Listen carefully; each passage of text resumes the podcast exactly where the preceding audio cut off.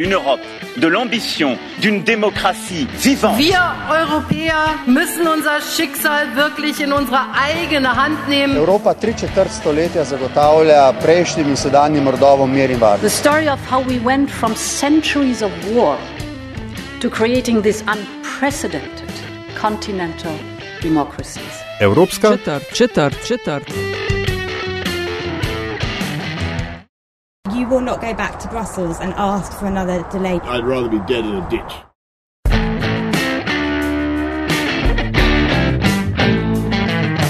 Spoštovane in cenjeni, dobrodošli v podkastu Evropska četrt, podcast o vsem, kar vas bo zanimalo o Evropski uniji, pa niste vedeli, koga vprašati. Evropsko četrt vodiva Nataša Briški in Aljaš Penkov Bitenc. Podcast domuje na spletni postaji metinalista.si, v vašem nabiralniku pa sveža epizoda takoj, ko je na voljo. Tretja sezona Evropske četrti je to, kaj je novega, kar nekaj od našega zadnjega druženja imamo svežo sestavo komisije in v 2020 gre Evropska unija brez ene članice, v slovo smo 1. februarja pomahali Združenemu kraljestvu. Ena bolj zanimivih zadev za Slovenijo pa je bila, poleg naštetega, sodba sodišča Evropske unije glede pristojnosti razsojanja v primeru arbitražnega spora s Hrvaško. Na kratko in za osvežitev spomina. Po razpadu Jugoslavije meje med nekdanjimi republikami ostajajo nerešene. Slovenija in Hrvaška sta več kot dve desetletji bilateralno, torej sami, iskali pot in risali mejo, neuspešno, zato sta se strinjali, da na pomoč pokličeta tretjega, to je bilo arbitražno sodišče in zato je tudi Slovenija prižgala zeleno luč vstopu Hrvaške. V EU. Arbitražno sodišče je po pregledu dokazil, ki sta jih predložili obe strani, razsodilo. Proces je bil zaradi afere s prisluhi sicer kompromitiran, a so ugotovili, da ni šlo za hujšo kršitev. Zdaj pa Slovenija želi, kot to narekujejo pravila igre, sodbo implementirati, Hrvaška zato noče slišati, najraje bi tekla nov krok bilaterale, medtem pa Slovenija išče način, kako jih prisiliti v izvrševanje. In sodišče Evropske unije je bil korak v to smer. Zdaj pa kličeva v Bruselj, dopisnica RTV Slovenija, Mojco Širok, da stvari postavimo v širši kontekst. Mojca Slovenija išče način, kako bi na nek način Hrvaško prisilila, da spoštuje sodbo, eh, in odločili smo se za to Evropsko sodišče. Ne? Kako si ti videla vse ta proces, oziroma kaj se je zdaj te zadnje tedne dogajalo? Ja, živijo obema. Um, Uh, tako, no, kako bi ti rekla. Jaz sem v bistvu na ta arbitražni vlak vstopala na posamičnih postajah, nisem se na njem skozi vozila in ta le sodba oziroma izrečena sodba prejšnji petek in, oziroma celoten postop, postopek na sodišču je bil v bistvu tudi, bi rekla, moja zadnja postaja. Kako sem jaz to gledala? Ne? V bistvu um, z evropskega vidika je to zelo zanimivo, ker ko gledaš na celotno arbitražno zgodbo iz Bruslja, je slika tako zamegljena oziroma tako spremenjena, da v bistvu res ne veš, a govorimo o isti stvari. V Sloveniji je to velika zgodba. Za Slovenijo je to zgodba nacionalnega ponosa, nacionalne identitete. Jaz sem vodila uh, posebno dve urno ali dve in pa urno oddajo uh, junija 2017, ko je bila razglašena arbitražna razsodba. V to oddajo so prišli vsi živi, od premijeja Cerarja do predsednika državnega zbora Brgleza, zunanjega ministra Rjavca. In takrat mi je, se spomnim, eden od njih rekel, to je po plebiscitu in vstopu Slovenije v NATO in EU tretji največji uh, element slovenske nacionalne identitete, ne? razsodba arbitražnega sodišča v Hagu. Uh, potem greš pa v Bruselj, ne, kjer je to velika zgodba. Pazi zdaj to diskrepanco. Tudi tukaj je to velika zgodba. Tudi za sodišče Evropske unije in je to sodišče izredno poudarilo, je to zgodba velikega pomena iz dveh razlogov, ker je politično občutljiva in ker vsebuje element mednarodnega prava. To je ta, ta ista arbitražna razsodba arbitražnega sodišča v Hagu. Ampak zakaj zamegljeno? Ker tega nihče noče povedati na glas tukaj, ker gre to vsem na živce. Zato, ker se zavedajo, kakšen uroč, pekoč kostan je to. Kaj bi lahko to vse sprožilo, če bi se dejansko institucije Evropske unije, kot želi Slovenija, s tem ukvarjale. In v tem kontekstu vidim jaz tudi sodbo samo sodišča, ki, če me nekdo kaj vpraša, jaz sicer nisem pravnica, ampak pač sem novinarka, ki ne posluša tiste, ki so pametni in to potem poskuša sestaviti en pameten okvir. Ne. To je neka kozlovska sodba, pilatovska. Oni so si tako malo umili roke, ampak so se zavedli, da ne delajo prav. Ne. In so pa utaknili noter vse te majhne piškotke in bombončke za Slovenijo, da bojo vsi zadovoljni. Bistvo pa je, da so hoteli dvigati roke stran od tega takoj. Ne, sodišče je že, čim je bila sodba uložena, oziroma ko se je govorilo o tožbi, pardon, tožba Slovenije proti Hrvaški, je sodišče, ne, sam predsednik sodišča Lenart, pošiljalo vse možne žive znake prek medijev ali kakorkoli, da please don't. Ne. Oziroma, če že ne tako ker je vsem to nekaj, s čimer se ne bi želeli ukvarjati, kar bi najraje spregledali, na kar bi najraje pozabili, ker gre pač dejansko za nek velik problem. In največji problem tega velikega problema je, da je med dvema majhnima nepomembnima državama, Slovenijo in Hrvaško. In gre za to vsem na živce, ker vse čas v bistvu pritiskata na ta gumb, predvsem Slovenija. Ne? Če bi se to dogajalo med Avstrijo in Nemčijo, mislim, da bi bila to ena velikih evropskih zgodb. Popolnoma enak primer, samo v rokah dveh večjih, pomembnejših držav. Evo, to je moja, na kratko bi rekla, hitra analiza oziroma pogled te zgodbe iz bruselskega avtobusa. Eh, Mojca, to, da, je, da se je sodišče eh, pretegnilo, ne, da, da je ugotovilo, da ni pristojno, je bilo več kot očitno iz, iz um, sodbe in, in sporočila za javnost. Um, ampak, a je mogoče to po eni strani posledica dejstva, da ne Slovenija, ne Hrvaška po nekih analizah nimata nekih blaznih zaveznikov, uh, bom rekel, strateških ne, v, v Evropski uniji, da sta, kot si rekla, dve mehni, dve mehni uh, državice tam nekje. Uh, po drugi strani pa to vendarle ni. Um, da se mogoče zdi, da je to, pa zdaj nočem, to, da je to izpade pokroviteljsko, ne, ker ni, ampak to ni edini, uh, um, se pravi, ozemeljski spor v, v, v Evropski uniji. Ne. Ker nekaj je takšnih mehkih, ki so do neke mere simbolični, ne, uh, pa se. Ker ne, da Evropska unija pač noče s tem ukvarjati, ker je za njo bolje, da se ne.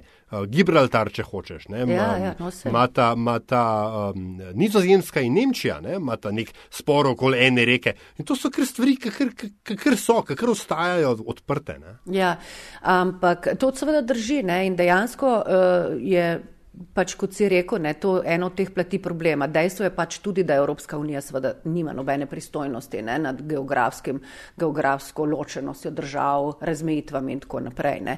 In pač kot pride do spora, če sta dve članici Evropske unije, obe državi članice Evropske unije, se tema državama seveda zdi logično, ne, da se boste obrnili tudi na Evropsko unijo, kar je tudi storila Slovenija. Ne. Najprej je iskala podporo Evropski komisiji in ker od tu ni bilo razen pač teh mlačnih povzivov in povzivov, poudarkov obema državama naj implementirata sodbo, drugih, nobene druge pripravljenosti, ne, da bi prišlo do kakršnega koli pritiska na tisto državo, ki noče.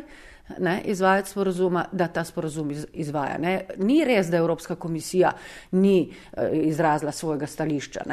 Sveda ga je izrazila. Evropska komisija meni, da morata državi v duhu sodelovanja in bla bla bla izvajati implementirati arbitražno razsodbo. Pika. Ne? Ni se pa seveda pretegnila pred tem. Ne? To je storila zelo medlo, zelo mlačno in zato Hrvaška lahko seveda interpretira vse te pozive, kakor želi. Um, uh, zdaj, po drugi strani, sodišče se je razglasilo za nepristojno. Pika. Tu je zgodba končana. Tožba, kot jo je vložila Slovenija po teh dveh členih, je taka, kakršna je. Sodišče je presodilo, da ni pristojno za za razsojanje v tej zadevi in zato pač te tožbe ne more več obravnavati naprej. In uh, to bi še mogoče dodala temu, kar si ti rekel. Res je, ne, da je v Evropi veliko takih problemov in da je veliko takih nekih pekočih zadev, ne. ampak poglej, kje sta Slovenija in Hrvaška. Ne na meji z Zahodnim Balkanom. Na meji z državami, ki bi si želeli v Evropsko unijo, na meji z državami, ki so zadnja leta svojega razvoja, političnega kapitala, njihovega političnega razreda vložile v to, da pripelje, države pripeljajo čim bliže Evropski uniji. In kaj se zgodi ne, na, na finish lineu, ne, se pravi, tik pred ciljem, praktično na ciljni črti pride predsednik Macron in reče: Basta, stop, ne, ne, ne, to pa ne bo šlo, bomo mal spremenili pravila. Skratka, cela ta zgodba se mi zdi zdaj pade v nek tak širši kontekst težav, ki jih ima Evropska unija v tem trenutku s, ši, s procesom širitve, z metodologijo prihodnih širitev in predvsem s temi, temi državami, ki so jih zadnja leta silili v take in drugačne razvojne spremembe s tem bombončkom začetka pristopnih pogajanj na, kon, na koncu oziroma samim vstopom v neki nedoločeni fazi v prihodnosti. Ne. Mislim, kakšno sporočilo je to za te države? Ne?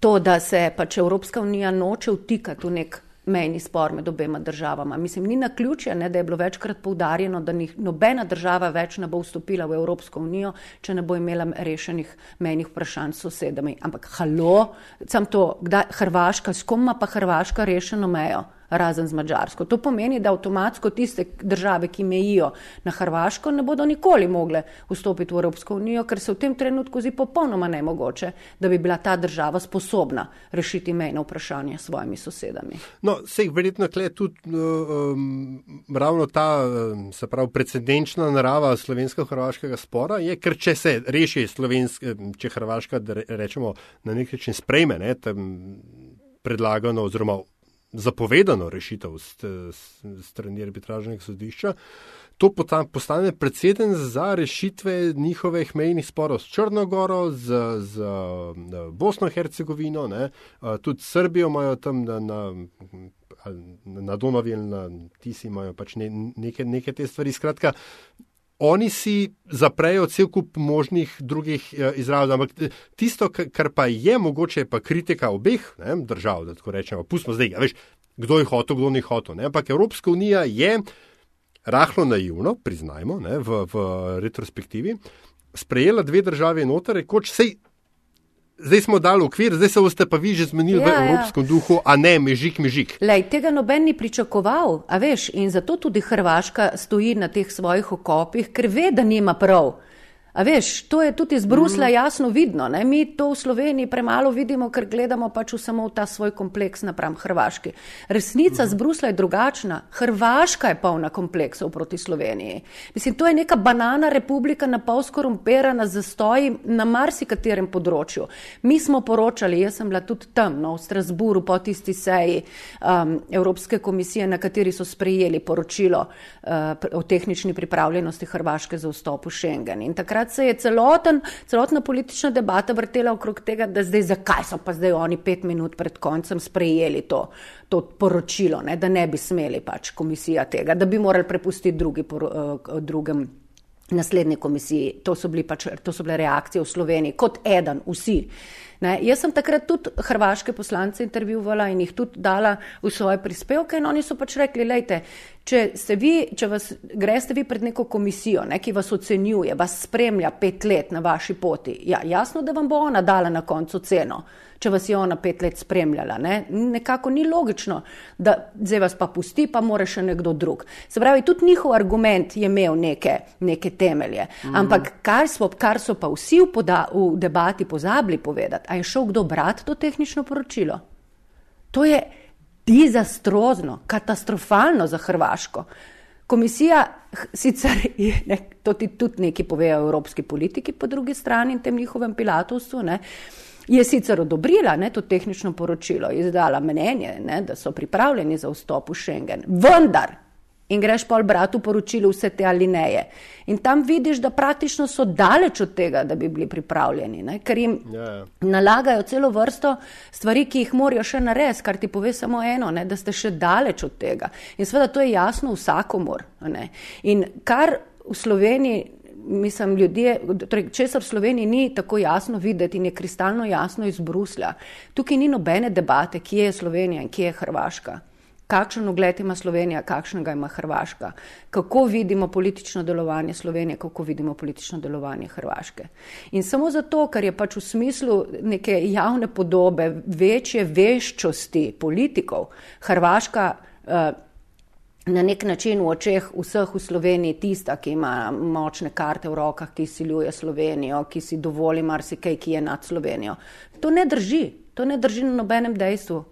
In um, to je bil dejansko, to mislim tudi, da je ta kontekst, v katerem se bo potem razvijala tudi arbitraža. Andrej Plenković ni neumen, ta človek je tukaj preživel in je modar in spreten politik, to se vidi. Poleg tega je, kako bi rekla, z javnomnenjskega vidika eden boljših evropskih voditeljev. On govori perfektno francoščino, perfektno angliščino.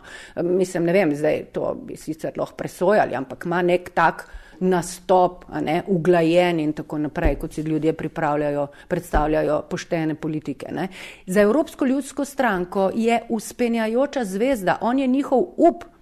Evropska ljudska stranka zgublja na vseh področjih, z desne jo napadajo, Salvini, Le Penove, zdaj mogoče tudi Orban. Orban Oni so ja. v totalni notranji krizi.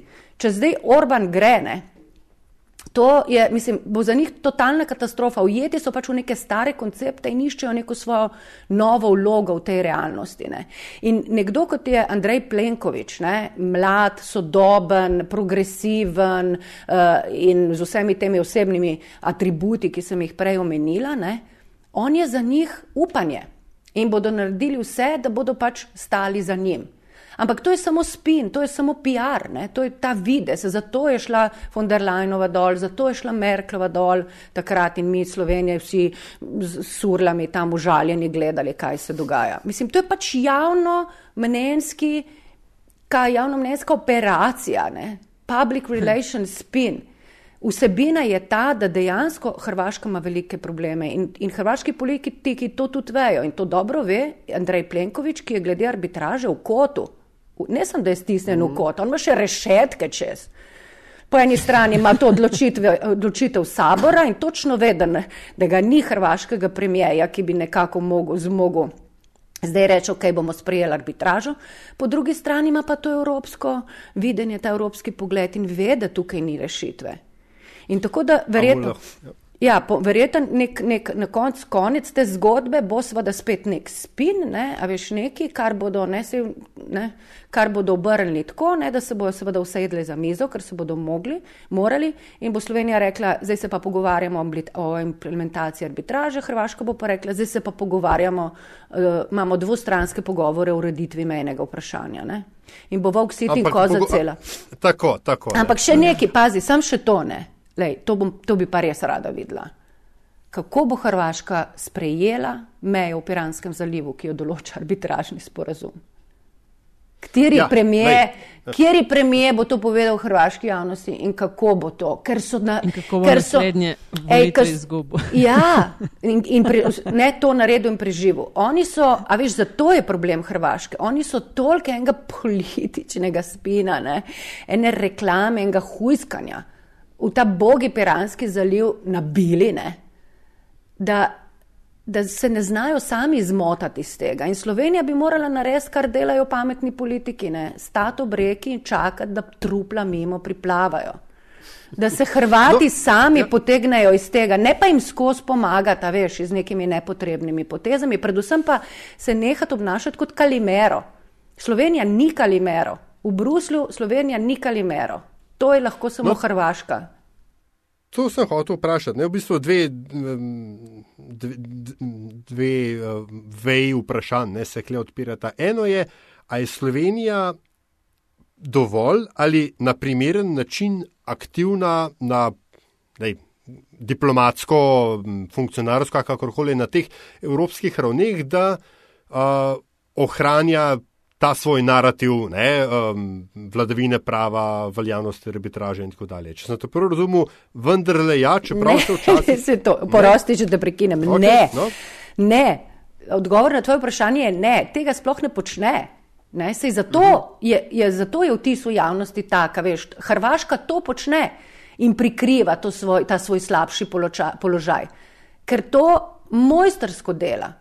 Slovenija pa ne, ne? Slovenija se skrije v kot in joče. Medtem ko Hrvaška lobira in, in, in izvaja te pritiske. Ne?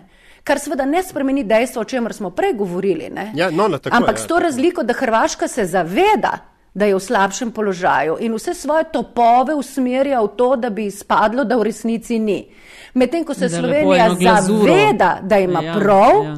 ampak ne ve, kaj bi storila. Prvič, zato, ker ne najde neke politične enotnosti, ker si pač ne more pomagati, da, bi, da ne bi bila politično neenotna. In drugič, zato, ker tlele v Bruslu ne uporablja nobenih topov, ma kakšne topove, mislim, še slepih nabojev. Ne. Da Kaj bi, hočeš in- reči, da naša diplomacija da je premalo aktivna na bruselskem podiumu? Uh, po tvojih opažanjih, zdaj, ko si tam, ker namreč ravno to, kar je tudi Aljaš sprašoval in kar si že govorila, ne, uh, da iz Slovenije je pogled takšen, ne, da hrvaška diplomacija in to sama praviš, eh, bolje opravlja svoje delo od uh, slovenske. Ja, ja, to je dejstvo, pač to bode v oči. Ne. To, o čemer sem prej govorila, so, uh, kako bi ti rekla, je stanje, ne, je dejansko stanje, ki se ga, mm. kdor se s tem ukvarja, absolutno zaveda, ker je zelo očitno.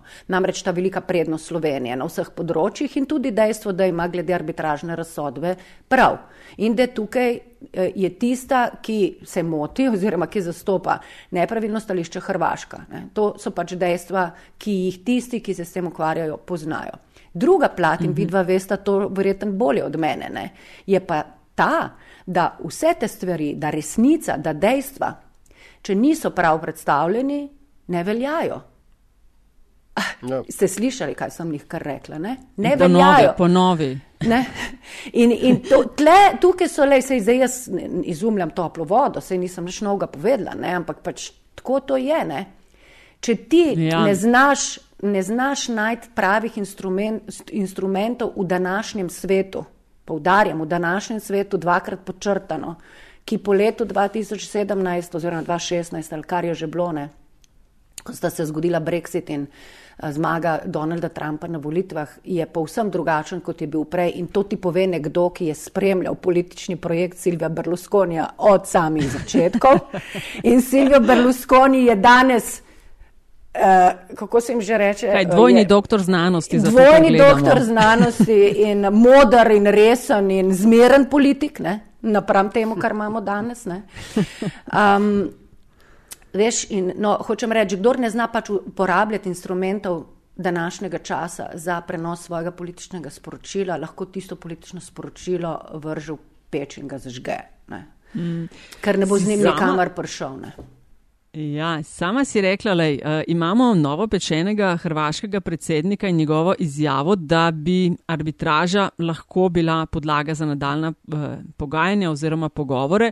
Imamo premijeja Plenkoviča, uh, ki gre svojo stranko na nove volitve, ki bodo na Hrvaškem letos v Sloveniji, se pravi na Hrvaškem volitve, v Sloveniji imamo vlado v odstopu in bodo nove volitve, ne vemo, kako se bo, mislim, če bodo seveda volitve, oziroma v vsakem primeru bo nekaj novega, drugačnega. In obstajajo različni pogledi, kako naprej. Eni so za ne vem, trdo linijo, da Hrvaško zaustav, zaustavljamo na poti v OECD, v Schengen, prevzem evra in tako dalje. E, Kaj ti slišiš? Katere teorije uh, se Mislim, lej, to, a veš, to, kar sta povedala Milanovič in Plenković, mimo grede za radio in televizija Slovenija. Ne? Moji ja. kolegici Marti Razboršek, lepo prosim, da se to podčrta. Naslednjič, ko bo kdo dvomil o tem, zakaj ima javna televizija dopisniško mrežo in zunanje politično redakcijo.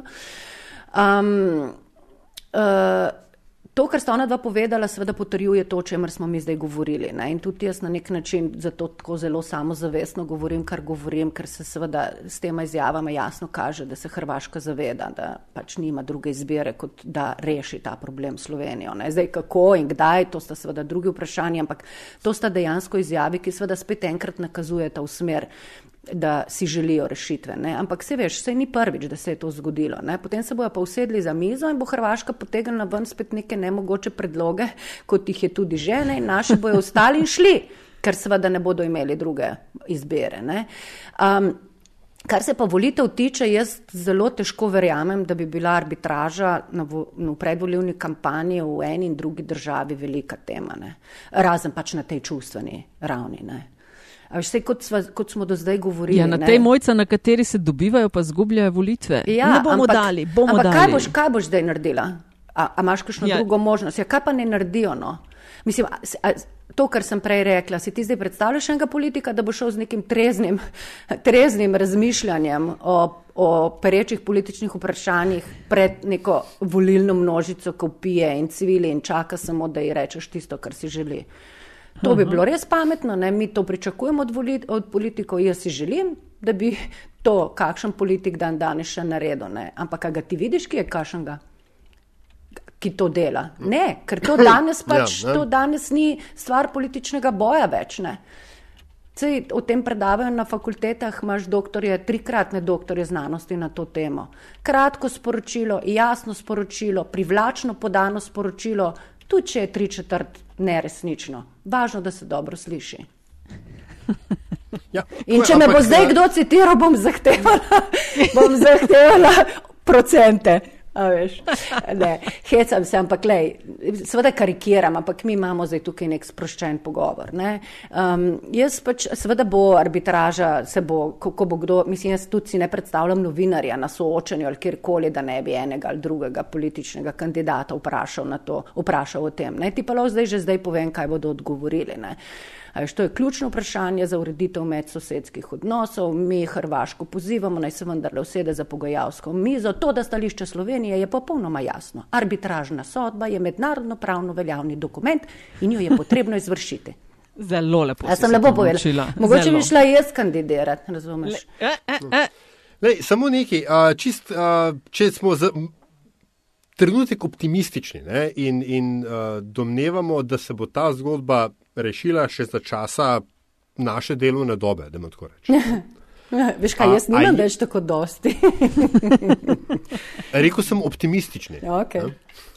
A, a je možno Milanovičevo izjavo jemati kot nek mehen, me, mehen opening, ne, neko mehno n- pol priložnost ne, v nogometnem žargonu, ki, če bi jo obe strani pravilno odpeljali in imeli interes, da se ta zgodba reši, ne da bi kdorkoli izgubil obraz, tej, ker mislim, da smo na tej točki, ne, da, pač, da ni, nihče ni osramočen, če je to sploh še možno pri eh, reševanju tega, da se gre v pač to smer. Mislim, da, da je to mogoče da neko mehko upanje. Da. Ne, ne vem. Ne vem. Lej, če bi jaz imela odgovor na to vprašanje, v bistvu uh, ne bi me zihar kdo najel ne, za visoke denarje. Ampak res, uh, veš kaj, glede na vse to, kar smo do zdaj govorili, ne, da težko vidim uh, hrvaškega premijeja, ki bi dejansko pristal na uh, rešitev v Piranskem zalivu, kot jo določa arbitražna razsodba. Pustimo ostalih 99,99 odstotkov meje. Tam se, bo, se lahko dogovorijo v petih minutah, če se želijo. Ne.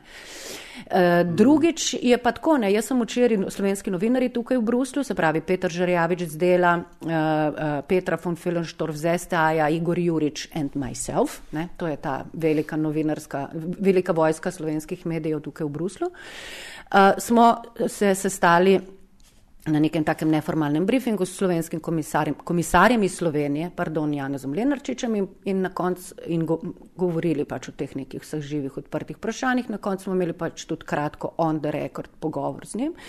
In on je rekel, da se mu zdi, da uh, brez tretjega, brez tretje strani tega problema ni mogoče rešiti. Ne? In zdaj neuradno, ne? Če me boste citirali, bom zanikala. Ne? To je človek, ki je bil državni sekretar za evropske zadeve v kabinetu premijeja Cerarja, ki je bil stalni predstavnik Republike Slovenije pri Evropski uniji in ki je zdaj pač po odločitvi tekočega premijeja eh, Šarca komisar iz Slovenije v ekipi eh, Urzule von der Leyen. Ne.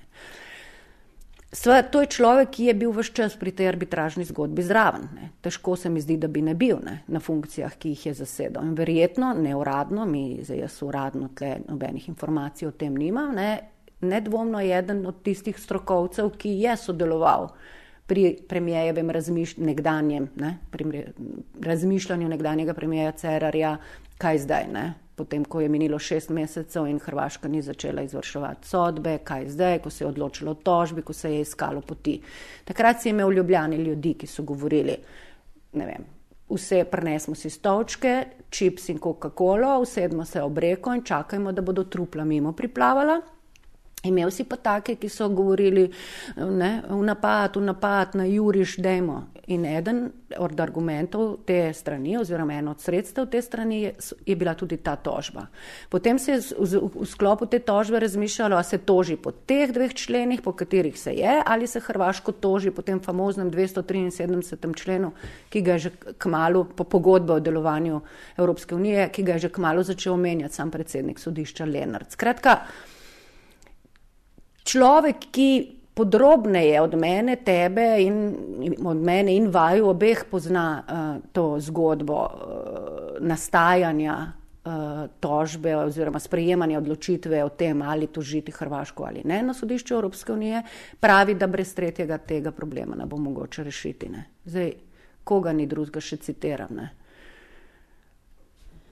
Ne vem, kaj niti rečem. Ne. Kdo tisti tretji bo, je pa zdaj seveda spet vprašanje. Ne. Samo sodišče je sugeriralo in Lenarčič je to včeraj tudi podaril, da obstaja še ena tožba in sicer po tem 273. členu, um, ki ga je pa Slovenija od začetka zavračala, ker bi ti za to rabu soglasje Hrvaške. To morate obe državi. Ne predložiti. Sodišče lahko razsoja o čemer koli. In recimo Lenačič je včeraj rekel, ko ga je kolega Žerjavič izdelal, vprašal, no in kaj, kakšno bi bilo vprašanje ne, v, tej, v tej zadevi, ne, kako bi se državi, če bi dosegli soglasje, da gresta skupaj glede arbitražne sodbe na sodišče Evropske unije, katero bi bilo vprašanje in je on odgovoril, ja, preprosto, ali arbitražna razsodba velja ali ne. Slovenija meni, da absolutno, Hrvaška meni, da ne. Zdaj pa naj sodišče pove. Ne? In zdaj tle, jaz ne vem, ne? Veš, Hrvaška ni do zdaj niti podrazno ne bi pristala, verjetno, oziroma doslej ni, da bi šli s soglasjem v tako tožbo. Ampak poglej, če Slovenija, ne zdaj v tem trenutku, vsi pozivajo državi naj rešita ta problem. Ne, Hrvaška seveda ustraja pri teh dvostranskih pogovorih, ker je tam v spin mogoče in lahko dela, kar hoče. Zdaj, Če pa vendarle Slovenija reče, lejte, tukaj je neka možnost, ki jo je v tej sodbi, sodišče Evropske unije se je razglasilo za nepristojno, vendar je v sodbi sami omenilo neko možno sodno pot, ki bi lahko predstavljala nek, neko luč na dnu tunela oziroma eno od poti, da se ta zadeva reši. Pozivamo sosedo Hrvaško, da v skladu z razsodbo sodišča Evropske unije pristopi in skupaj s Slovenijo, ne, se vnovič obrne na to sodišče in bla, bla, bla. bla. Ne, kako bi potem izpadla Hrvaška, če bi rekla ne, pa ne? Ne vem. Zakaj bi, zakaj bi dal pa Hrvatom sploh možnost, da neko drugo tako. sodišče razglasi, razglasi? Ne, to isto sodišče. Za... Ja, tako, ja, ja. No, Ne, jaz, seveda, to so zdaj vsa legitimna vprašanja. Ne? Prvič, zakaj bi jim spet nekaj ponujal, ne? drugič, zakaj bi zdaj to sodišče Evropske unije, ki je pazi, mislim, to je tudi, veš, ne? razsodilo, da ni pristojno za razsojanje o tej, tož, o tej tožbi, zato ker je že res, da je Evropska unija so podpisnica arbitražnega sporozuma, da je praktično botra ne, tega arbitražnega Tako, sporozuma. Ja. Ampak pazi, in zdaj citiram, ne? to je ta 102. člen. Ne? Vse te okoliščine ne zadoščajo za to, da bi to lahko imeli za del prava Evropske unije. Okay. Ampak, a veš, ja. kako bo pa potem to sodišče razsodilo v primeru, in to je povdarila slovenska agentka Maja Menar, takoj po sodbi, ne, da je to, ta sodba res nek nevaren eh, presedan v, z vidika, ne, v bistvu pač eh, stališčem sodišča glede odnosa prava Evropske unije in do mednarodnega prava. Ne. A veš, v bistvu je, ona meni, da ta, uh, to dejstvo ne, državam članicam potencialno odpira vrata za kršitve prave Evropske unije, sklice, s tem, ko bi se lahko sklicevali nekatera domnevno odprta mednarodna vprašanja, ki ne bi med njimi obstajala. A razumeš? A veš, to zdaj lahko velja za karkoli, za vsako mednarodno pogodbo. Ne. Ne vem, recimo, ne, zdaj ime Nardova je tudi rekla, ne, zdaj verjetno bodo slovenska sodišča, ne vem, v Kopru, sodišče v Kopru bo verjetno dobilo prej ali slej, ne, v roke zadeve, ki bodo, ne vemo, o teh kaznih za ribiče ali karkoli. Prej slej, če že ne, se bo to znašlo, veš, na enem od slovenskih sodišč in prej slej se bo verjetno katero od teh sodišč, ali pa Hrvaško, recimo, ne po drugi strani, odločilo, da bo za mnenje vprašalo, um, sodišče Evropske unije ne, v zvezi z, ne vem, z neko kaznijo, z neko kršitvijo tam ribiči, ne vem, kdorkoli. In kaj bo zdaj reklo sodišče Evropske unije? Mi ne moramo, to ni del prava unije, mi nismo za to pristojni. Kako se bo zdaj izmotalo iz tega klopčiča? A, ej, a pustimo, a pustimo mi klele vprašaj, pritisnemo piko, ampak samo ja. zato, da bomo lahko kmal še kakšno epizodo na to temo posneli. Upam, da ne z mano. Upam, da ne. ne, ne, ne še kaj, to povej. Ja, veš, kaj sem tudi povedal, kaj smo slavili slovenski novinari v Bruslju, ko se je sodišče razglasilo za nepristojno. To pomeni, da se ta zgodba ne bo več odvijala tu, da je spet žogica v Ljubljani in bojo slovenski kolegi v notranji politični redakciji. No, da sem še to za konc povej.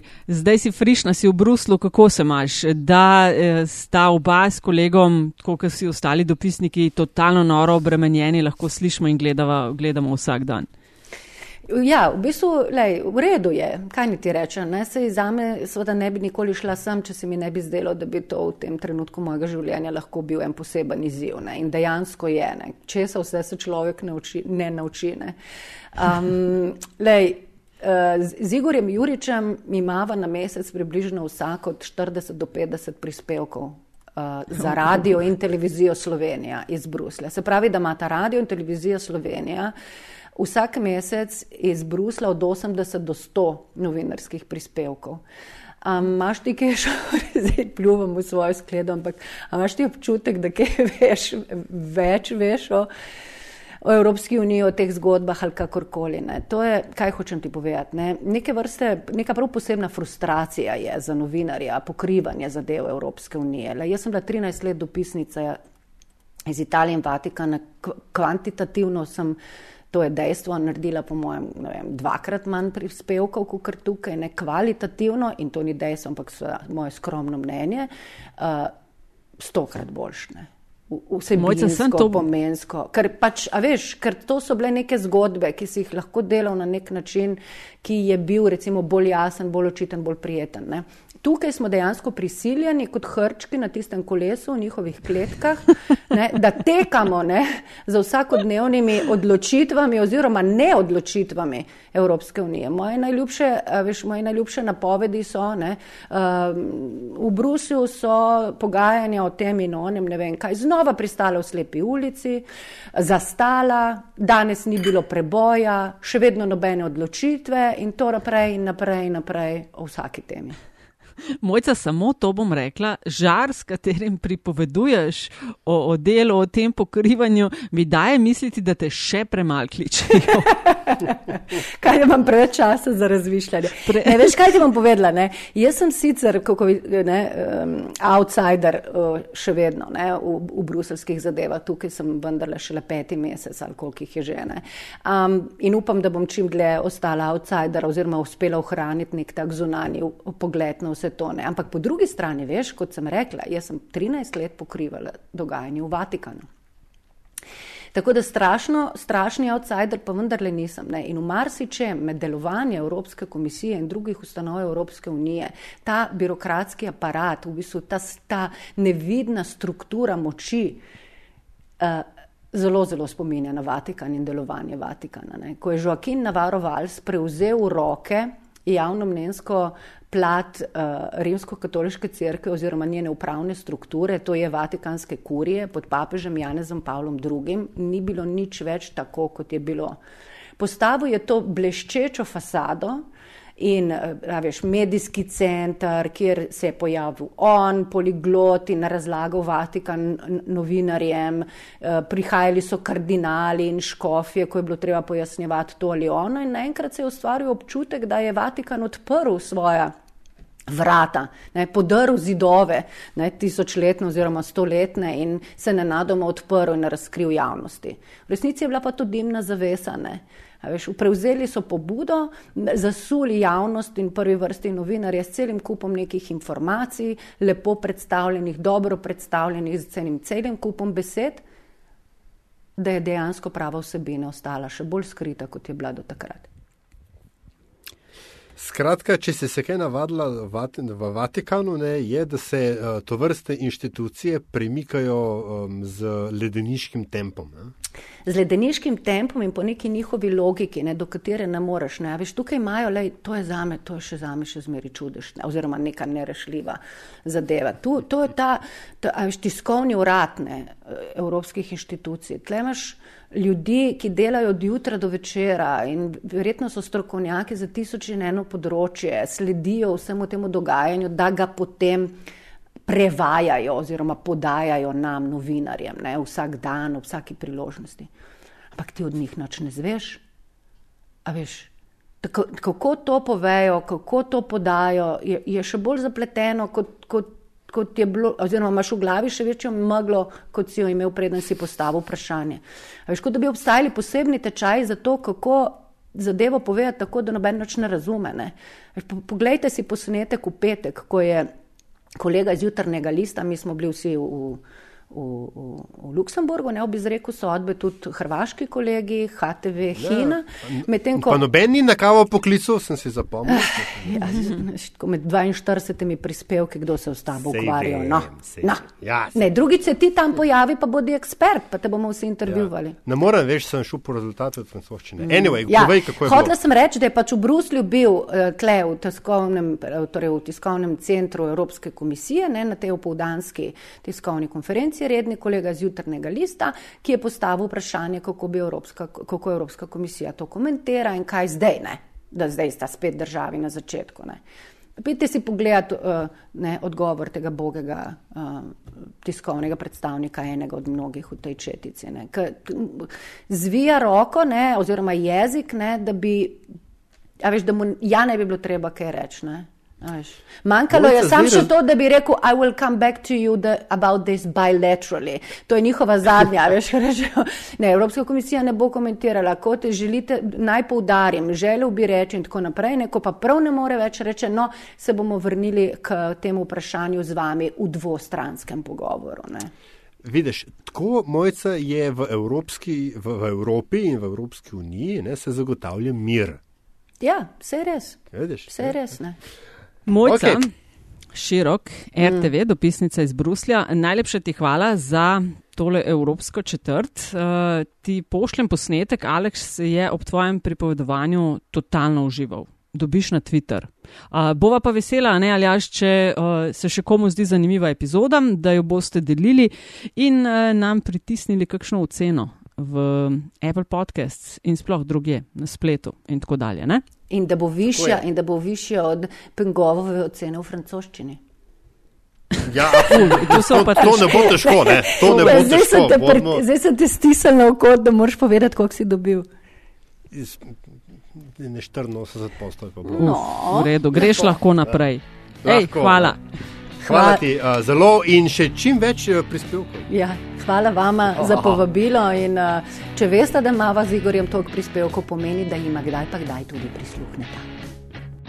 To je bila Evropska četrt, 43. podcast Vesolju. Hvala za vašo pozornost, predloge, mnenja, pohvale in kritike, ki jih delite z nama, in res hvala za investicije ki jih namenjate razvoju in produkciji naših vsebin. Avtor glasbene podlage je Peli iz Afna Hishen Band. Če vam je bila vsebina všeč, bo pomagalo, da nas najde še kdo, če naj jo ocenite pri vašem izbranem podkastu ponudniku. Sicer pa hvala za vašo družbo. Thank you